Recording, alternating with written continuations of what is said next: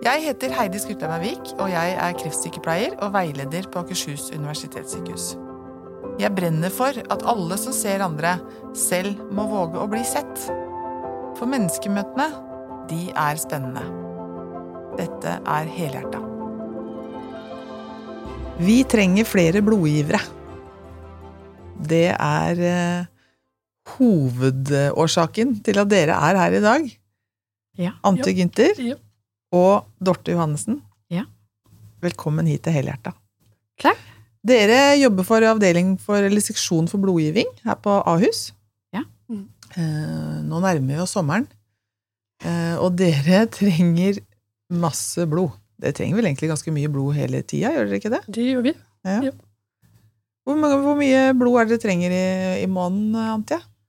Altså, vi transfunderer bortimot eh, 1000, og noen måneder også mer enn 1000 eh, transfusjoner. Uh, ja, 1000 transfusjoner. Det er mye. 1000 transfusjoner hver måned Mm. i gjennomsnitt. Mm. Og da Det betyr at dere må ha flere enn 1000 blodgivere hver måned òg, da?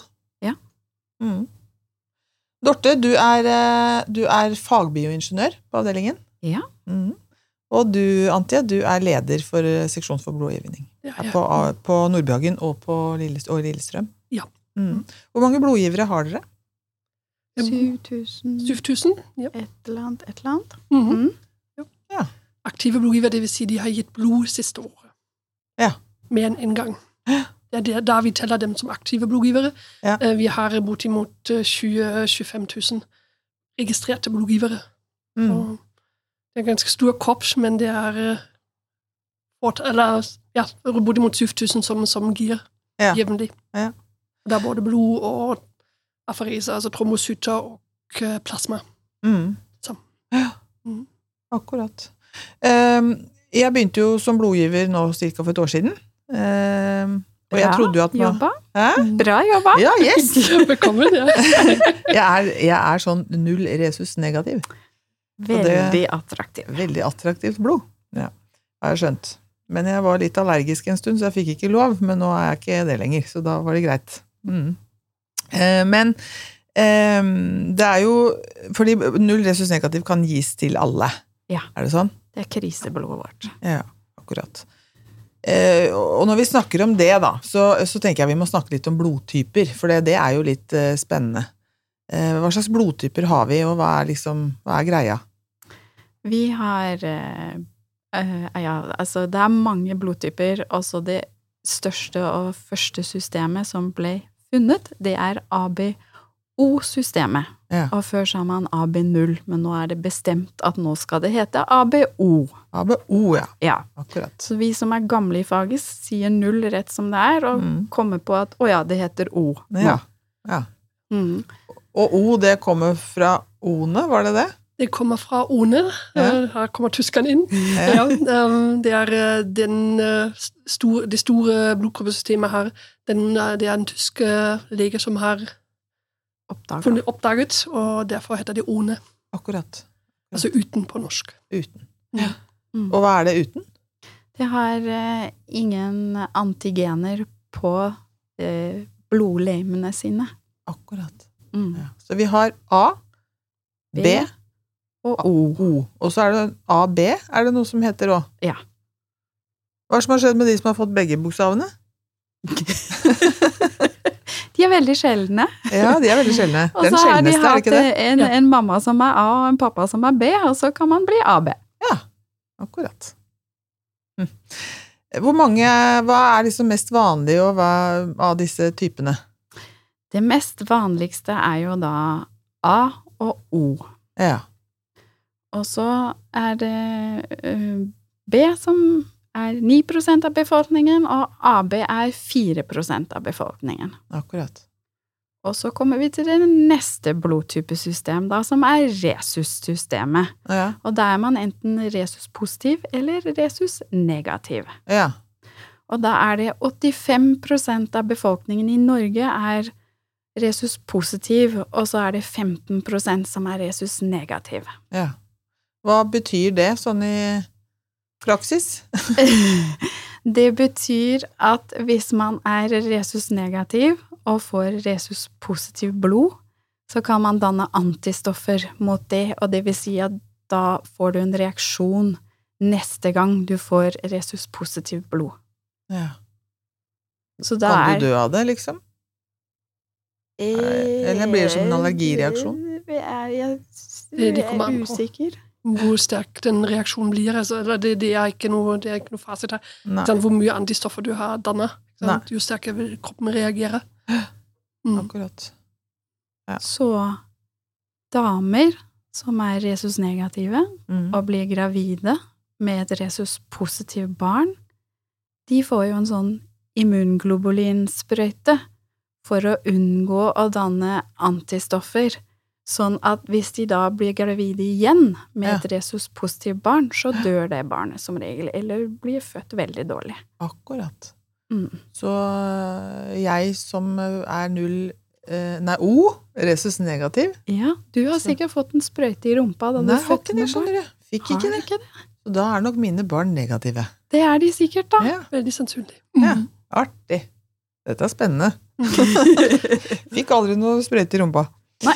Nei, det de- tror jeg du skal. Den fordelingen av de blodtypene det er jo typisk i Norge. Mm Sant? Det er en den norske fordeling, men når man kommer litt nær, nærmere Midt-Europa og Sør-Europa, så eh, dominerer jo O mm um, eh, populasjon. Eller demogra eller, ja, populasjon i befolkningene.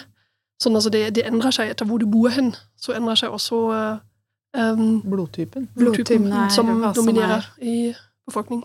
Mm. Det finnes eh, land i jeg mener Sør-Amerika som kun har O. Oi. Jeg har ikke noe annet. Hovedsakelig. Altså. Kan det liksom bety at uh, da har kanskje min familie noen sånn aner derfra, da? Er, er, vi, er, det, er vi der, liksom? Men det er et helt eget uh, tema. Altså, Ja. det, det kan man holde to timers foredrag om. Ja. uh, hvordan de setter seg sammen. Men ja, vi har reist også i fortiden, altså ikke bare nå i forbindelse med Ja. at flyreiser er så Nå er det jo ikke så, så billig lenger, men, men også før har vi reist, og derfor har vi blanda Ja. Mm. ja, Ja. eh, gruppene. Og det, er det med blodtypen det her det kan også gå inn i at man har den blodtypen O for eksempel dominerer, fordi da er man mer tilpasningsdyktig mot, mot sykdommer som er i den regionen osv. Mm. så, Mm. Men som sagt, det er en helt egen, eh, egen eh, foredrag man kan holde om det, og det er vi dyktige leger til. Ja, ja. Det er vi dyktige leger til. gå inn på det. Mm. Men i forhold til det så leste jeg også, når jeg leste meg opp her nå, at eh, når man har O, eller null da, som noen fortsatt sier, blant annet jeg, så er det sånn at eh, hvis du da får barn med en som er A eller B eller AB, så vil som regel det eh, trumfe O. Ja. Forklar Ja. litt om det, Dorte. ja, det er dette her med dominante gen og ikke-dominante gen. Mm. Så hvis du er A eller B, så dominerer det over null. Eller O, som det heter nå. Ja. Mhm. Mm. Gikk i fella igjen. Mhm. ja, akkurat. Det er jo er det ikke noe med øyenfarge òg? At brune øyne Dominerer, dominerer blå og noe sånt. Det er sånne ting. Sånne ting, ja. Ja, Mm. Så at blodtyper er med i den gjengen der. Mm. Akkurat. Ja. Et, eh, et voksen menneske har fire til seks liter blod i kroppen. Åtte for voksne mennesker så er 8% av kroppsvekta di blod. Inntil du kommer til 110 kilo, har jeg lest et eller annet sted. Mm. Så er det ikke 8% hvis når du er over 110 kilo. Da er det mindre. Da er det mindre. Ja. Akkurat. Ja. Ehm, og, og det er derfor det er såpass stor forskjell på at det er mellom fire og seks eller fire eller sju og Mm. sju liter Mm. i blod i kroppen. Mm. Eh, og blodgenene våre de dannes jo i benmargen. Ja. Eh, og så er det jo blodet sin oppgave sånn ellers. Fortell litt om det. Ja, vi har de røde blodlegemer som eh, transporterer oksygen. Mm. Så har vi for lite av dem, så kjenner vi at vi får dårlig kondisjon, vi får puste er tyngre osv. Så, videre, ikke sant? så så har vi trommesutter som hjelper til å lege sår, altså stopper blødninger. Mm. Uh, ja, Trombocytter er blodplater. sant? blodplater, riktig. Ja, det som gjør at vi får skorper og sånn. Mm. Mm. Mm. Ja. Som lukker igjen hull. Ja. Og så er det plasma, Mhm. som er den Den er gul. Det er jo litt artig når blodet er så rødt, at plasma er så gul. Ja. Ser ut som urin, egentlig. Ja, det gjør Ja. det. Mm.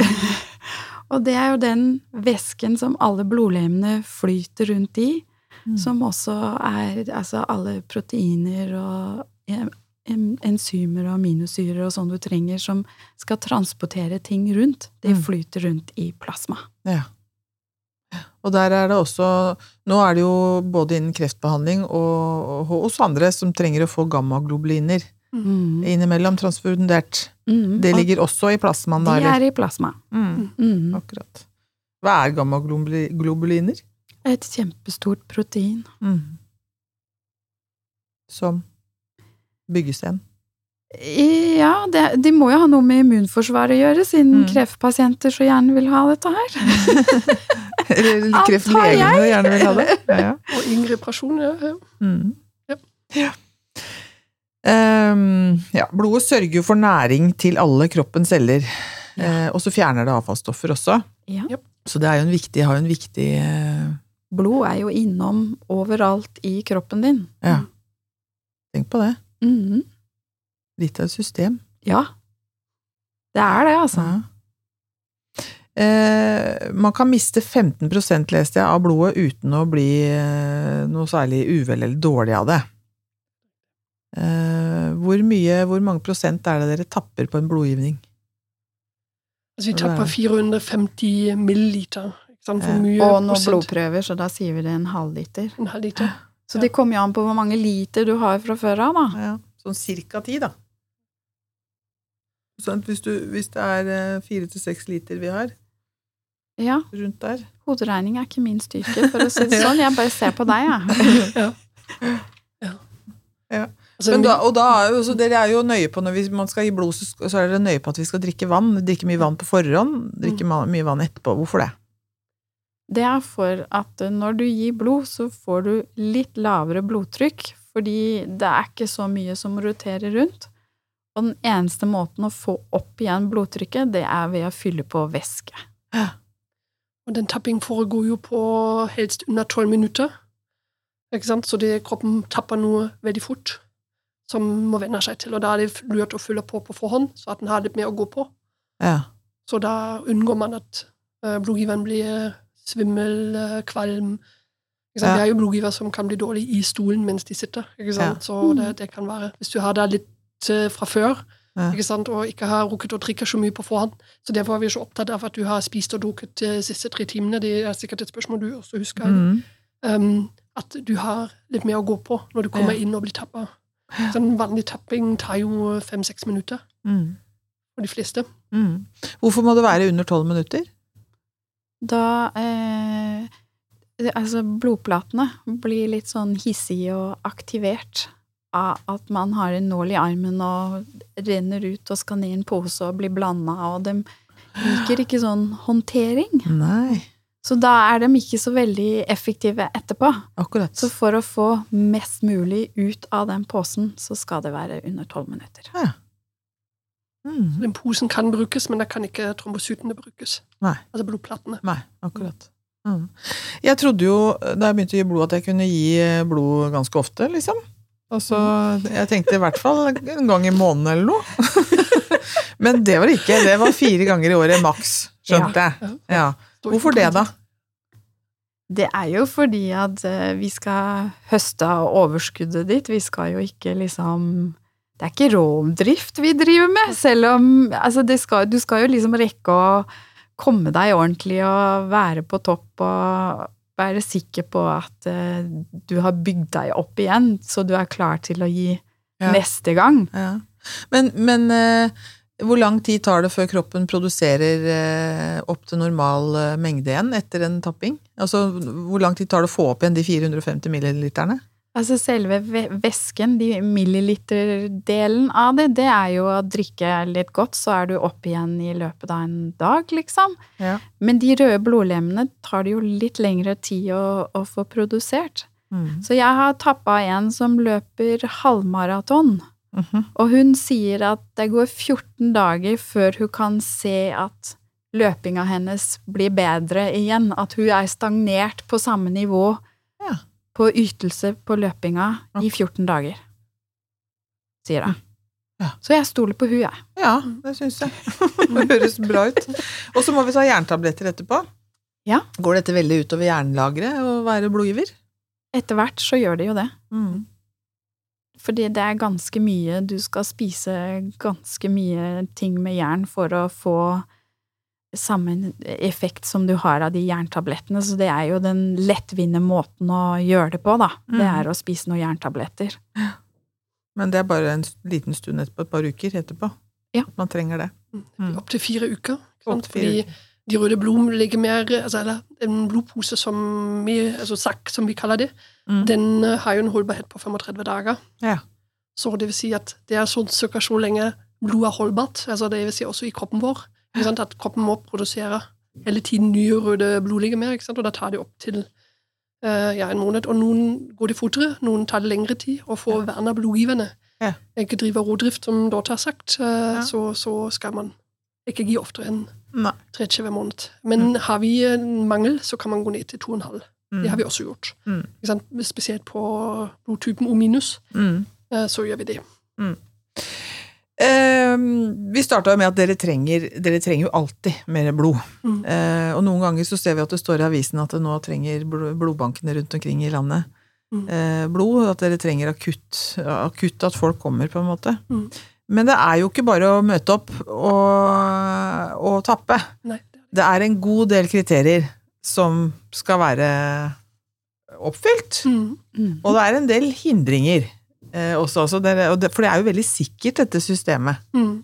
Det må jeg bare si. Det, det, det skjemaet som man skal fylle ut, er jo ganske Detaljert. detaljert, ja. Vi lurer på det meste. Lurer på det meste, ja. Om mm. både meg og spesielt min mann, og, Ja. ikke sant? Altså partner og alt dette her. Og reiser og Ja. Ja. mm.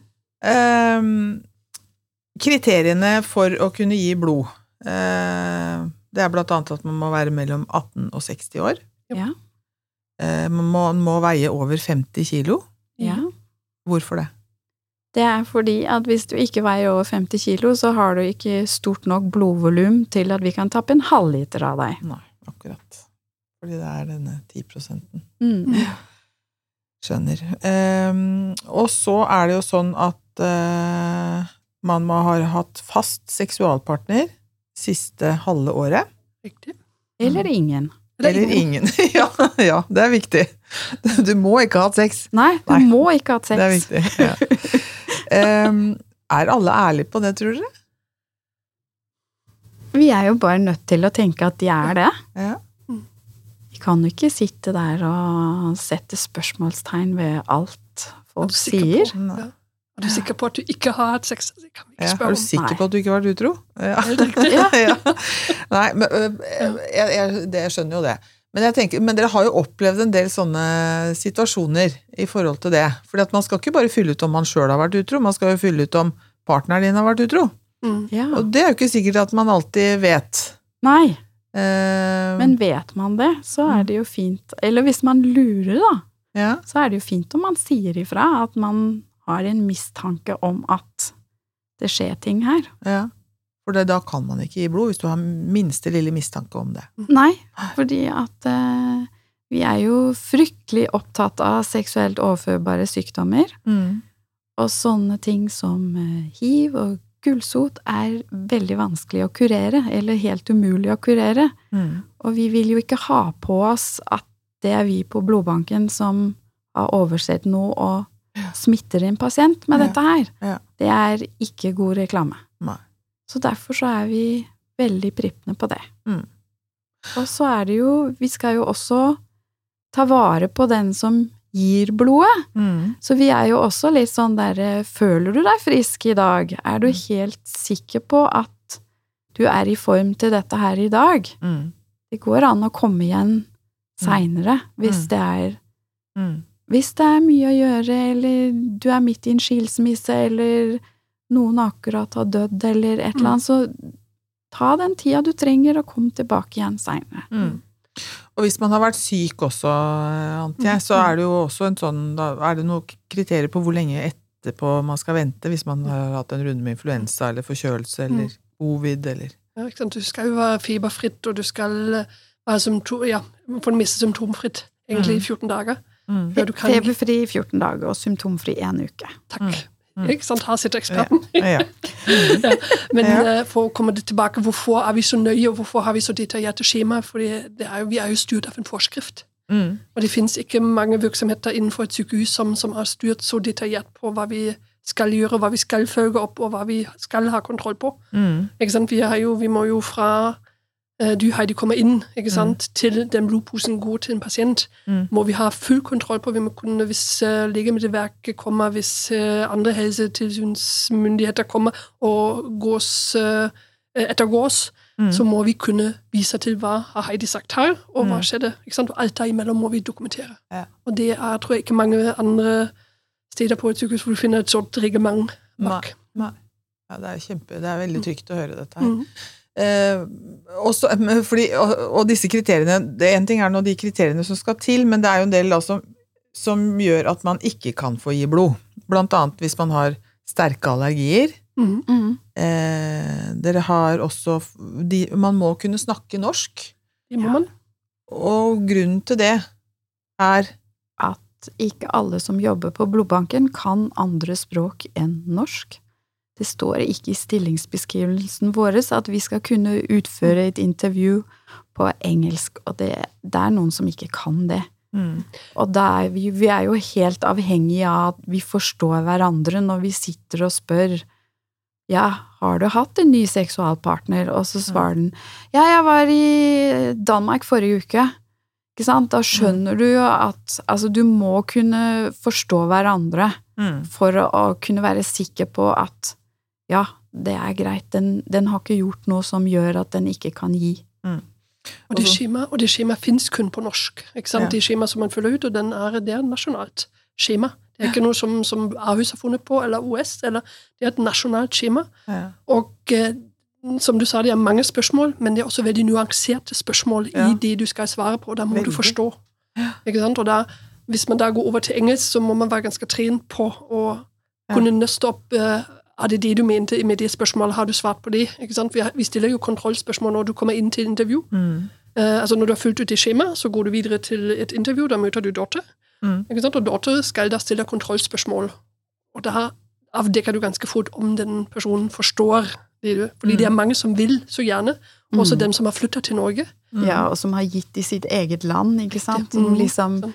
Ja, jeg har gitt blod før. Ja, men Mm. det er fint. Mm. Kan vi gjøre dette på norsk? Nei, jeg er ikke så god i norsk ennå. Nei. Nei, men det er bare å øve seg litt mer i norsk, og så kom tilbake. Ja. Gjerne. Men det er jo også et paradoks i dette her, da, for det, det, vi skal snakke litt mer om kriteriene, men, men jeg har lyst til å ta opp det der at eh, dere har jo stort behov Mhm. for blod fra annengenerasjons afrikanere, eh, mennesker som kommer fra Midtøsten og Asia. Mhm. Det har vi. Og annengenerasjons eh, eh, innvandrere er jo, snakker jo som regel veldig bra norsk, Riktig. Mm. riktig. eh, så det ordner seg vel. Ja, Ja. absolutt. Kan dere, si hvorfor, kan dere fortelle hvorfor dere trenger virke, Det er virkelig mangel på blod fra disse. disse Mm. nasjonalitetene, eller fra Ja.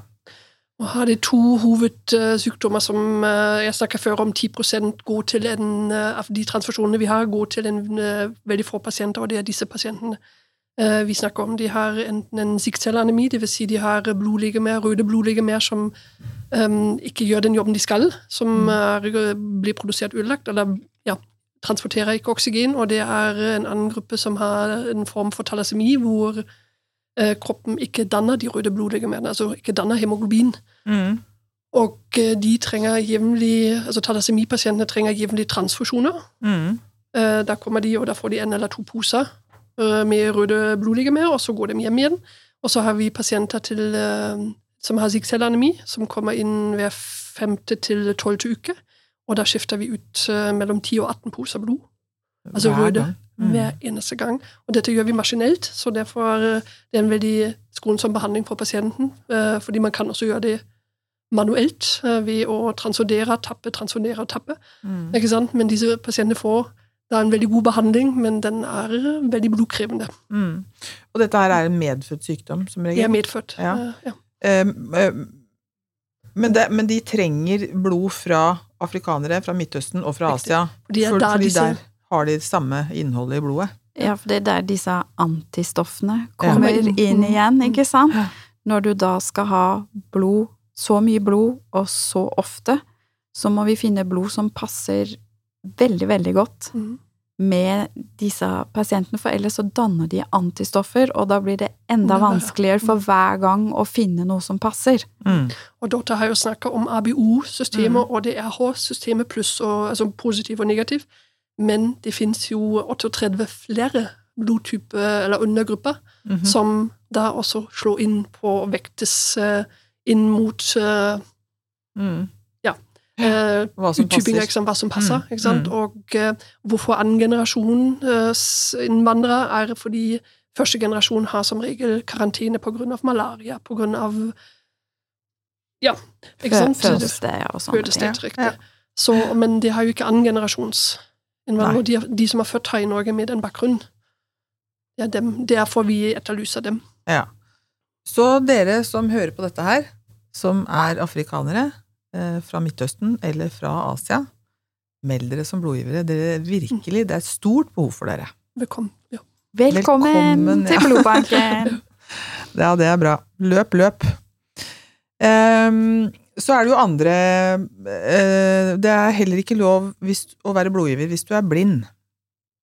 Nei, Det er, er- det er samme årsaken som til at man vi altså kan det at ikke man fylle ikke kan- ut Altså, man skal jo fylle ut blodgiverskjema sjøl, Ja. for deg sjøl. Mm. Og det er ikke sikkert Hvis du da har med Altså, de, de får jo ikke fylt ut dette her sjøl. Mm. Og hvis du da Jeg, jeg har for eksempel hatt noen intervju med blodgiver hvor de har liksom Nei, jeg har med dattera mi i dag, hun kan være med inn. Ja ja, ok, er du sikker på det? Ja ja, det går fint. Mm. Og så kommer vi inn, og så viser det seg Nei, mamma har jo eh, hatt en ny seksualpartner. Mm. Og da blir det veldig kleint og pinlig inn på det intervjuet når den ungen står og spør Hvem er det da, mamma? ja. ja. Ikke sant? Så nå, nå har vi blitt sånn at vi er eh, Nei, de barna de må være ute på gangen. Det tar ikke så lang tid. De får sitte i den stolen så lenge. Ja. Og samme er det jo for den som er blind. Mm. Hvor gøy er det hvis du har med deg dattera di, og så skal du fortelle at nei, ja, mm, ikke sant? Mm.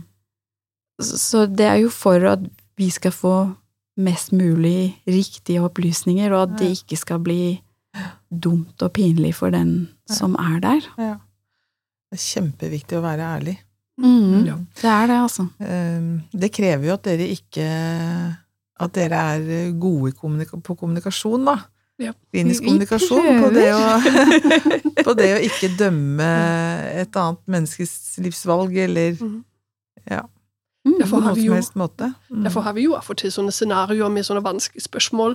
Nå har de kanskje ligget litt grann det siste halvåret, kanskje, men vi har jo hatt eh, sånne caser opp. For det er Mm. viktig, hvor, fordi det er så innmari viktig å snakke om det og gjøre det ufarlig også for nye kollegaer som kommer inn Ja. til blodbanken. Ja. Uh, fordi det er kjipe spørsmål. Eller eh, ikke kjipe, men det er ganske direkte Veldig spørsmål man direkte. Ja. eh, skal Mm. stille. Mm. Uh, Du fortalte jo en, uh, for eksempel et case når en hel familie kommer inn og vil, ønsker å være blodgivere. Fortell litt om det, Dorte. Mm.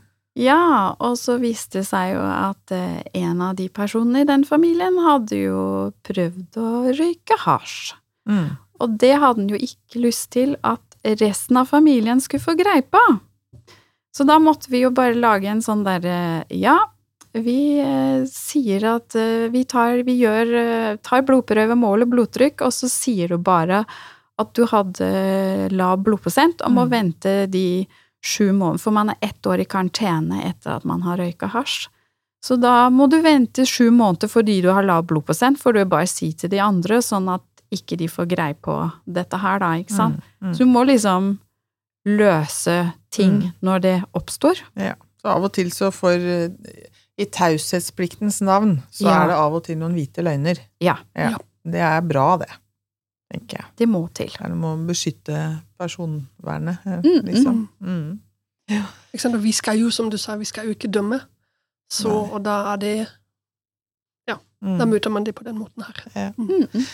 Eh, I forhold til det også, eh, et annet eh, på en måte et slags etisk dilemma, eller et dilemma, da, vel mer det, eh, var jo en episode som dere har fortalt om eh, en mann som da får beskjed om har du hatt sex med andre enn din, din faste partner? Har du hatt sist?» noen nye seksualpartnere de siste seks måneder, Ja. spurte vi om en stund. Ja.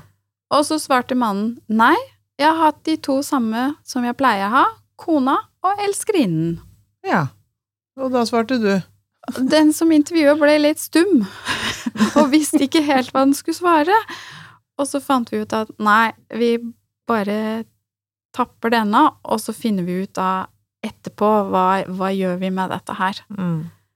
Og da hadde vi jo en liten diskusjon om åssen håndterer vi dette her. Mm. Og så blei det jo til at ja, men hvis mannen er utro, så kan det jo hende at både kona og elskerinnen også har flere partnere, og da blir det veldig mye smittemuligheter Mm. inni dette her for seksuelt overførbare sykdommer, så vi fant ut da at han, han fikk ikke lov å gi blod mer. Nei. Fordi at det blei litt vanskelig for oss å liksom Mm. gå god for at dette her var trygt blod. Mm. Mm. Så han tok det pent, da. Mm. Eh, det er jo en annen eh, gruppe som heller ikke får lov til å gi blod, og det er, eh, det er homofile. Menn. Men eh, selv om de har hatt fast partner siste halvåret, som mm. er kriteriene for andre, så, så kan ikke de gjøre det. Mm. Eh, de skal det ha vært avstående fra sex i et helt år. ja. Så kan de gi. Ja. Og dette henger kanskje sammen med mulighetene for eh, både hepatitt og, og smitte av hiv, hiv og sånn. Mm. Eh, mange vil jo kanskje oppleve det som noe diskriminerende eh, hvis man lever, har levd i et fast forhold i, i over lang tid. Eh, sånn ref resten av eh, Mm. opplevelsen av å bli diskriminert i veldig, veldig mange år. Mhm. Er, dette her er noe som jeg, som jeg vet Jeg har snakka med dere om før, at eh, det her er noe som hele tiden er eh, Det er en utvikling i det Mm, internasjonalt. mm, Eh, dette her er noe som man jobber med. Mm. Kan du si litt mer om det, Antje? Altså det, det er et tema som med jevne mellomrom kommer opp i media. Mm. At man føler seg uh, ikke likeverd som en heterofil, et heterofilt par. ikke sant? Mm. Og det, det er jo Ja, det kan man oppleve som urettferdig, men foreløpig er regelverket slik at har du har menn sex med menn, Mm. ikke sant, så, så, så er det ikke lov. Mm. Eller du må være såpass lenge av forholdet. Mm. Mm, Det som jeg syns er positivt, er at de diskuterer, og så lenge de diskuterer, så er det mulighet for at man gjør noe med det etter hvert, Ja. og sidestiller eh, ekteskap eller samboerskap eh, mellom likekjønnede. Ja. Eh, ja. Mm. Men lesbiske kvinner får lov å gi. Lesbiske kvinner Mm. får lov å gi. Mm. Ja. Akkurat. Så det er en av som Mm. er utslagsgivende her. Så er det, apropos, apropos kvinner, da, så er det en annen ting som ikke kan forekomme, og det er de som har piercing i slimhinnene. Mm. Ja.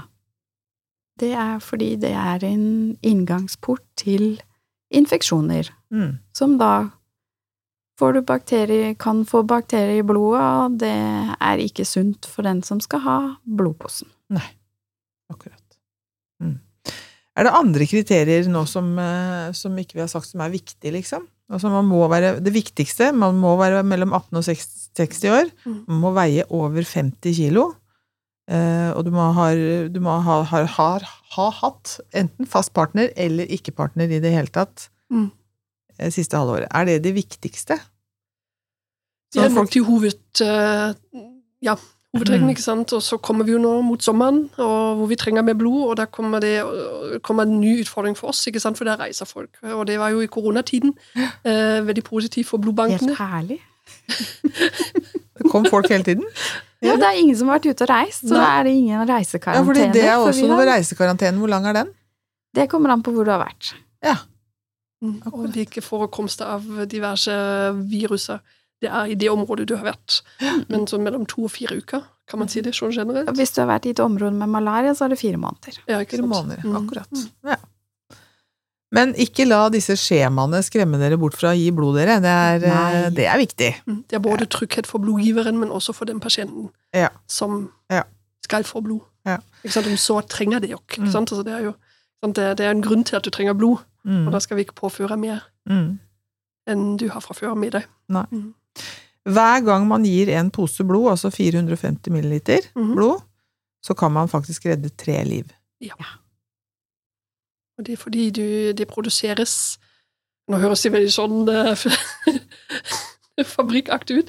Men den posen der som tappes, ikke sant, de 450 milliliter, de blir jo da kommer inn i maskinen, og så blir, det, blir den sentrifugert. Mm. Og da blir det ut av eh, en, eh, en sakk med røde blod- blodlegemer, plasma og trombocytter, og så en liten leukocyttpose. Det er de eh, som Det er immunforsvaret vårt, eller kan man si det så generelt? Ja. Jo. Eh, og um, den kastes jo, for den kan ikke brukes, men det er de tre posene der som Altså røde blodlegemer, trombocytter og plasma som Mm. Hvem er det som trenger mest av, av blodet? Hvor går blodet mest til, liksom? Er det, jeg leste et sted at det var 48 gikk til kreftbehandling. Mm, Og det kan nok være veldig riktig. Altså Her Mhm. på Ahus er det jo, var det i fjor eh, høyest antall transfusjoner på medisinsk, medisinsk divisjon, og det er der Mm. behandling foregår for, Mm. for det meste. Ja. Andre grupper er fødekvinner, Føde. vet jeg. Mm. Ja. Mhm. Mm. Barn. Barn. Og, så, og Imtra sjøl her eh, er på nesten lik Altså blodbanken. Nå har jeg brukt den forkortelsen vi egentlig kaller oss for. Eh, Avdeling for immunologi og transfusjonsmedisin heter vi Mhm. egentlig. Mm. Men det er ingen som eh, klarer å uttale. det. Derfor er det blodbanken. Ja. Um, så derfor er det en Imtra av blodbanken. Eh, og ja, våre, våre 10% da er nesten på lik høyde med, eller på lik antall transfusjoner som Barneklinikken. Ja, det er jo de thalassemiene og Mm. sigcelleanemiene som Ja. vi gjør sjøl hos oss, Ja. som vi trenger blod til. ja. Mm. Transplantasjoner, benmargstransplantasjoner og sånn, altså høster dere benmarg hos oss? Nei. Eller hvem er det som Nei. gjør det? Rikshospitalet. Rikshospitalet som gjør det. Mm. Mm. Men vi rekrutterer, og i Norge er det kun blodbanker som rekrutterer til benmargsgiverregisteret. Mm. Ja, man Mm. må være blodgiver for å kunne registrere seg i benmargsgiverregisteret. Mm. Ja. Der er også et sånt enkelt spørsmål for så vidt, som sikkert er veldig komplisert svar på, men eh, er det for at en benmark skal passe, da, hvis noen trenger en transplantasjon, så er det jo blodtypen, vil jeg tro. Skal ha, har det Og noe å si? my- Mye mer Nei, Ja. blodtype har ikke så mye å si. Nei, Nei. der ser du. Hva er det som har å si? Hva er det som skal stemme og passe og Det heter HLA. Humant leukocytt et eller annet, et eller annet. Mm. Der er det diverse grupper og undergrupper, og, så det er jo vev. Altså Mm. det du har utapå organene dine, Mm. som skal passe med det du skal få. Ja. For der fins det jo sånn Hvis det ikke passer ordentlig sammen, så kan jo den nye benmargen gå til angrep på de organene Mm. du har, og, og de organene du har, kan gå til angrep på den benmargen du har, og så blir det jo ikke noe Da går det veldig dårlig. mm. Mm. Og det er derfor man ser i nærmeste familien, fordi da er den genpoen, eller den det beste utgangspunktet. Ja. Mm. Det er nærmeste familie. Mm. Mm. Søsken og foreldre. Mm. Ja. Akkurat. Um, vi har jo uh, noen som ikke vil uh, få ta imot blod. Mhm. Eh, blant annet de som er Jehovas vitne. Ja. Ja. Eh, de vil ikke ha blod. Og det er jo innimellom eh, Man skal jo respektere, og vi skal virkelig respektere andre menneskers ståsted sånn sett, og det er jo, de har jo med seg skriv, og det er jo mm. viktig for dem at mm. ikke de skal få blod. Eh, Men som yrkesutøver og som helsepersonell så har jeg jo vært med på at det er ganske vanskelig å stå i de situasjonene, da. Mm. Hvor man vet at nå kunne du vært redda, Ja. men vi kan ikke redde deg. Fordi Og vi har blod på lager. Altså, vi har det Og vi har blodet som passer, som kunne To poser av det her, så hadde du kunnet levd. Eller Mm, fire ja. poser, så hadde Mhm. du kunnet levd videre. Mm. Ganske vanskelige etiske situasjoner. Det er det. eh, Som veldig mange sliter ganske mye med å stå i. Det skjønner jeg Og dette her er jo noe som vi snakker ganske mye om, og som er typiske etiske dilemma i, i medisinen. Fordi vi er jo lært opp til, spesielt selvfølgelig legene, de er lært opp til å helbrede. Mm. Eh, og vi er lært opp til å lindre, eh, Riktig. vi som Mm. er spesial- eller sykepleiere. Altså det er liksom eh, Ja, men I og med at dere ikke gir blod, at de ikke, aldri leverer ut blod til de, men hva, så Dere jobber ikke så mye med det, men hva tenker dere om, om dette her? Ja, jo, ja. Ikke sant? Spesielt når du kanskje Altså når du er såpass ung at du at, eh, kunne at ha levd lenge. Levd lenge, ikke sant? Altså, hvis, eh, sånn vi, vi som sitter her, vi er jo voksne damer. ikke sant? Mm. Så, så har vi tatt en sånn avgjørelse, så er det lettere å stå kanskje med det i hverdagen som, som Mm. helsepersonell. Men når du ser at det er kanskje noen som ikke får tatt det valget sjøl, Mm. ikke sant det, Jeg syns det er tragisk. Ja, Ja, Mm. det er trist. trist. Mm. Særlig, eh, særlig tenker jeg når det er, hvis det er en fødsel som, som noe går Mm. galt, og så, og så er det et nyfødt barn som mister mammaen sin. Mm. Men dette her er lett for oss å sitte og si, ikke sant? Vi, Mm, mm. men vi må si det fra vår side at dette her kan være vanskelige ting å stå i. Og det er kjempeviktig at man må snakke om det, reflektere om det sammen på arbeidsplassen, da. Mm. Ja. Eh, for å tåle å stå i det. For Ja. det er vanskelig å se at noen bare blir borte mellom fingrene på en når en Mm. vet at man kunne, Kunne ha ha redda. gjort noe, ja. Mm. Mm. Og så må vi ha respekt for, for dem sine livsvalg. Mm. Ja. Helt riktig. Vi må det. Ja, vi må det. Ja. Vi kan jo nå gjøre altså Vet man at man skal inn til en operasjon, uh, og så kan man jo gjøre noe i forkant, ikke sant? Ja. når du veit det. ikke sant? Men på føden eller på, på intensivt, der hvor jeg har jobba, hvor man kommer inn med en akuttblødning, så er det, det, det er tøft å stå der og ikke kan Mm. gjøre jobben sin. Ja. Mm. Med noe så enkelt som ligger på et skap, eller i en Det er ganske store skap, men Ja. det ligger på skap oppe i fjerde etasje her på huset. Ja. Sant? Så Mm. Mm. Mm. Men det er som du sier, vi kan, eh, vi kan gjøre forebyggende tiltak Ja. uh, hos de som har denne, den, denne overbevisningen. mm. Så, så kan man gjøre forebyggende tiltak for å unngå det. Men det blir vanskeligere i akuttsituasjoner, som du sier. Mm. Mm. Ja. Og vi snakker ikke om dette for å kritisere de, det her er, snakker vi om fordi dette er, etisk, det er en etisk vanskelig situasjon. Mm. Det det. Um. Men at vi samtidig skal ha den respekten. Mm. Ikke glemme det. Ja. Det er ikke vårt valg Nei. å ta. Mm. Babyer. De er det også hvis nyfødte babyer trenger blod.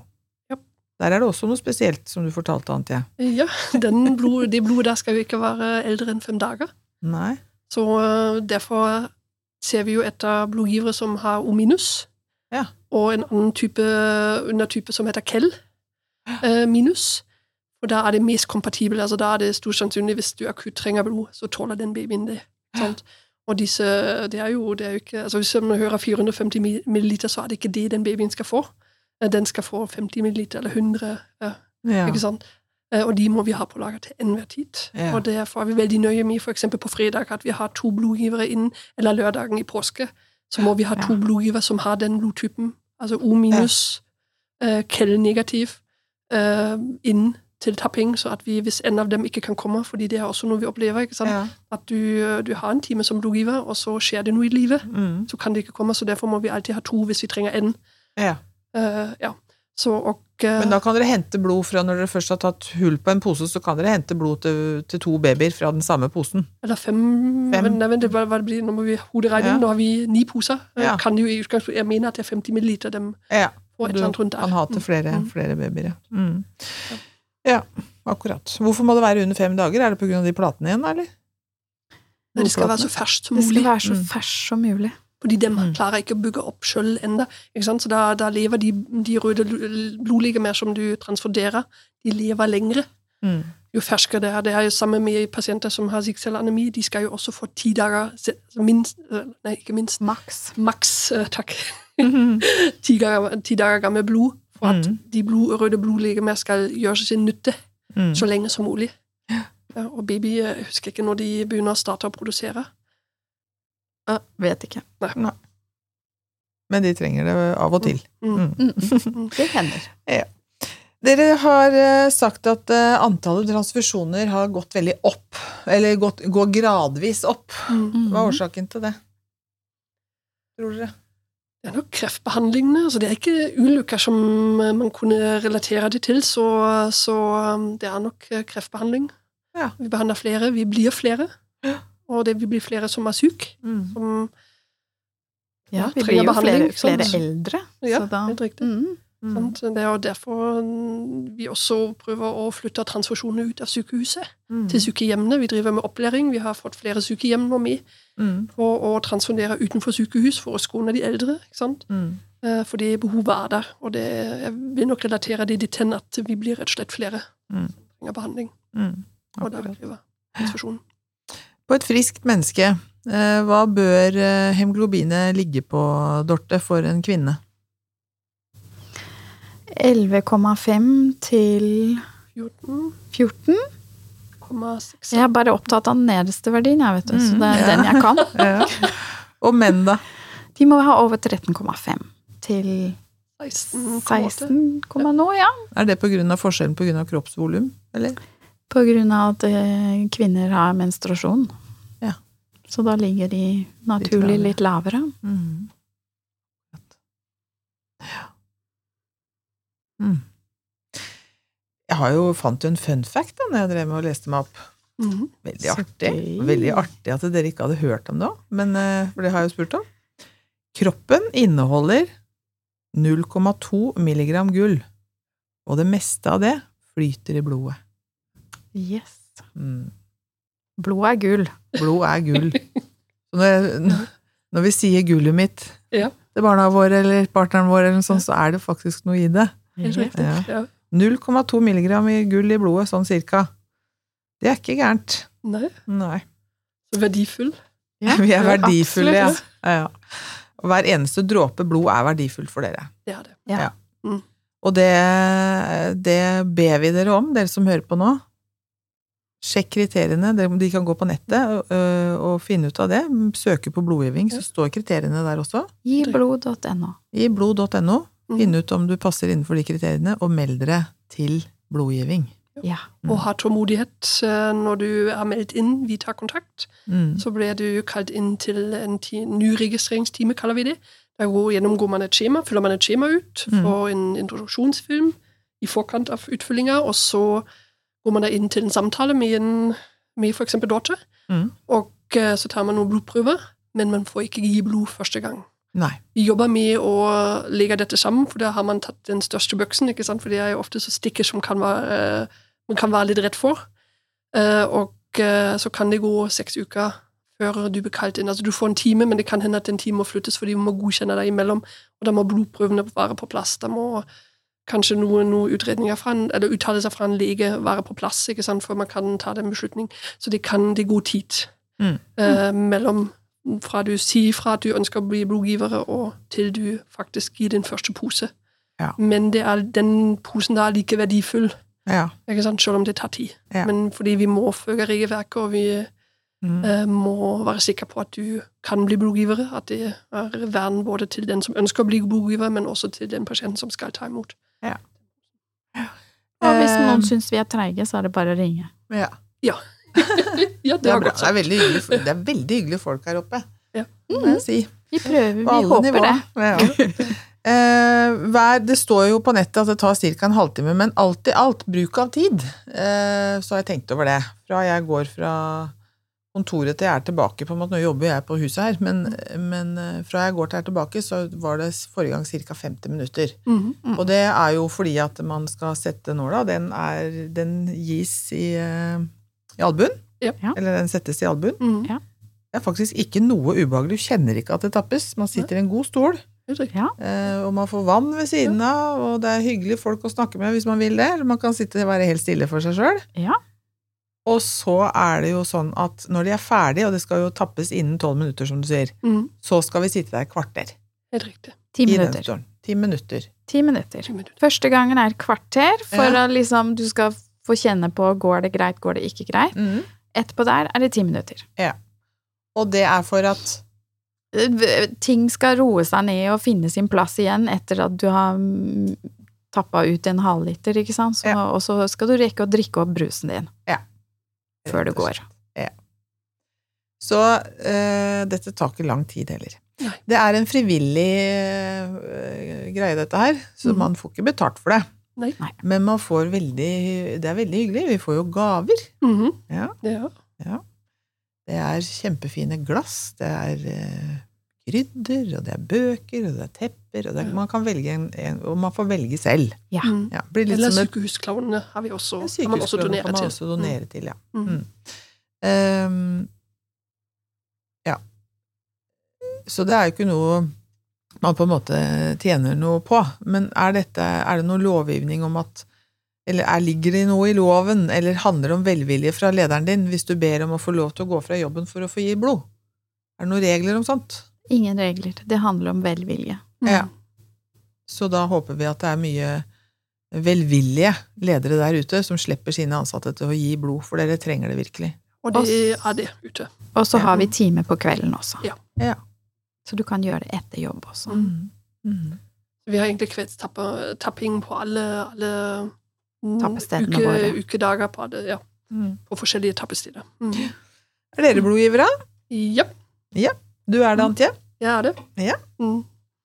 Jeg har vært det. Og du har vært det, og slutta med det. Ja. Sånn er det.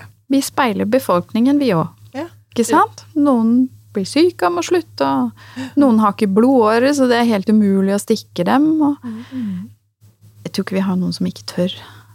Nei, det har vi ikke. Nei, det tror jeg tror jeg heller ikke vi har. Så de fleste som jobber hos dere, som er innenfor kriteriene, gir blod Ja. Mm, selv. Mm. I arbeidstiden med velvilje fra arbeidsgiveren. Så bra, Antje, at du er velvillig. det er bra. Ja. Ja, men så bra. Mm. Eh, som avslutningsspørsmål, eh, nå har ikke vi snakka så mye om dere som mennesker, sånn generelt. Vi har ikke blitt så godt kjent med dere, Dorte Ante, men, Mm. men i dag var det viktigst å, å verve verve nye blodgivere. Ja. Men dere skal likevel få et spørsmål. Mm. Hvis dere skulle gitt dere sjøl et råd tilbake til da dere var 18 år I dag, hvor gammel er du, Antje, sånn cirka? I 40-åra? 46. 46. Mm. Og du er i eh, 40-50-åra? 50-åra? Ja, skal vi se. Eh, var det ikke 54, tror jeg vi regna til sist. Sånn cirka rundt der. Ja. Ja. Hvis dere skulle gitt dere selv et råd da dere var 18 år, hvis dere hadde hatt muligheten til det, hva hadde du trengt å høre da, Dorte? Eh, jeg var fryktelig sjenert og litt sånn lettskremt. Så jeg tror jeg hadde hatt godt av å høre at dette går bra. Du klarer den. Mm. Mm. Guts på litt til. Ja. Og ting endrer seg, for du er en sånn sprudlende dame nå. Så det er sånn Ja, det var jo ikke så farlig. farlig. Så bra. Og du, Antje? Ja, når jeg var 18, så flytta jeg jo ut. Begynte sykepleierutdanning Mm. I Tyskland? i Tyskland. ja. Mm.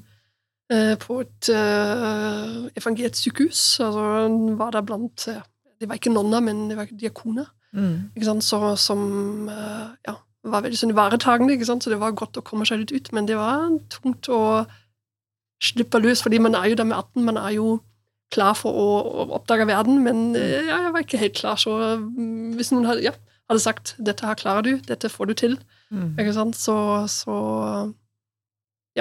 Det er trygt. Det er trygt å gå ut, ja. Mm. ja og tørr. Mm.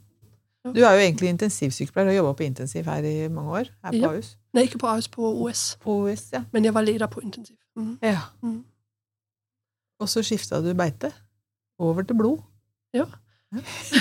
ja. ja, altså det, det startet jo egentlig med at jeg eh, fikk barn, og jeg er eneforsørger til de barna. Så eh, det var da avgjørelsen kom å gå ut av eh, sykepleien per se. Sånn, Mm. og eh, jeg har aldri angra på det, fordi det er så utrolig mye man kan bruke sykepleier til. Ja. Og jeg er den eneste sykepleierleder på, i blodbanken.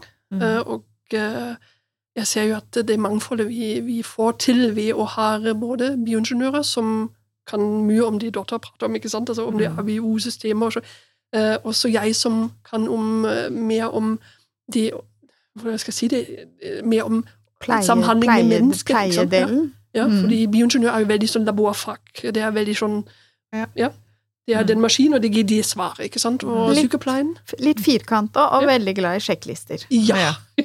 ja. Men da høres det ut som en god kombo. ja ikke sant? Og Sykepleiere er egentlig ikke noe glad i sjekklister. Vi må Nei. bare, vi bare må, må ha det. dere har, det virker som om dere hater det. Ja, vi gjør det Ja, egentlig. ikke sant? Men hvis vi, hvis vi samler dette sammen, så jeg syns vi har blitt et dreamteam nå.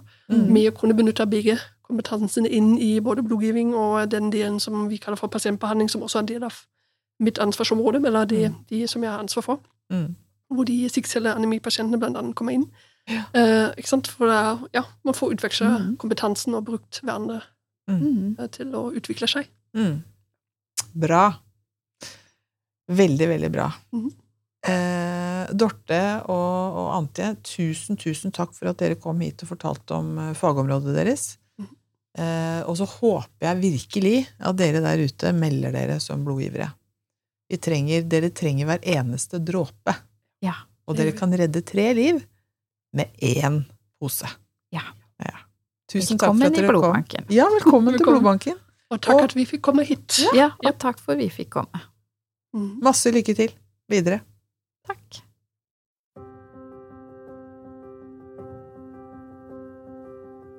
Helhjerta er en podkast fra Kompetansebroen, en digital plattform for kompetansedeling i helsetjenesten. Personer som blir omtalt i pasienthistorier, er enten anonymisert eller har gitt samtykke til deling.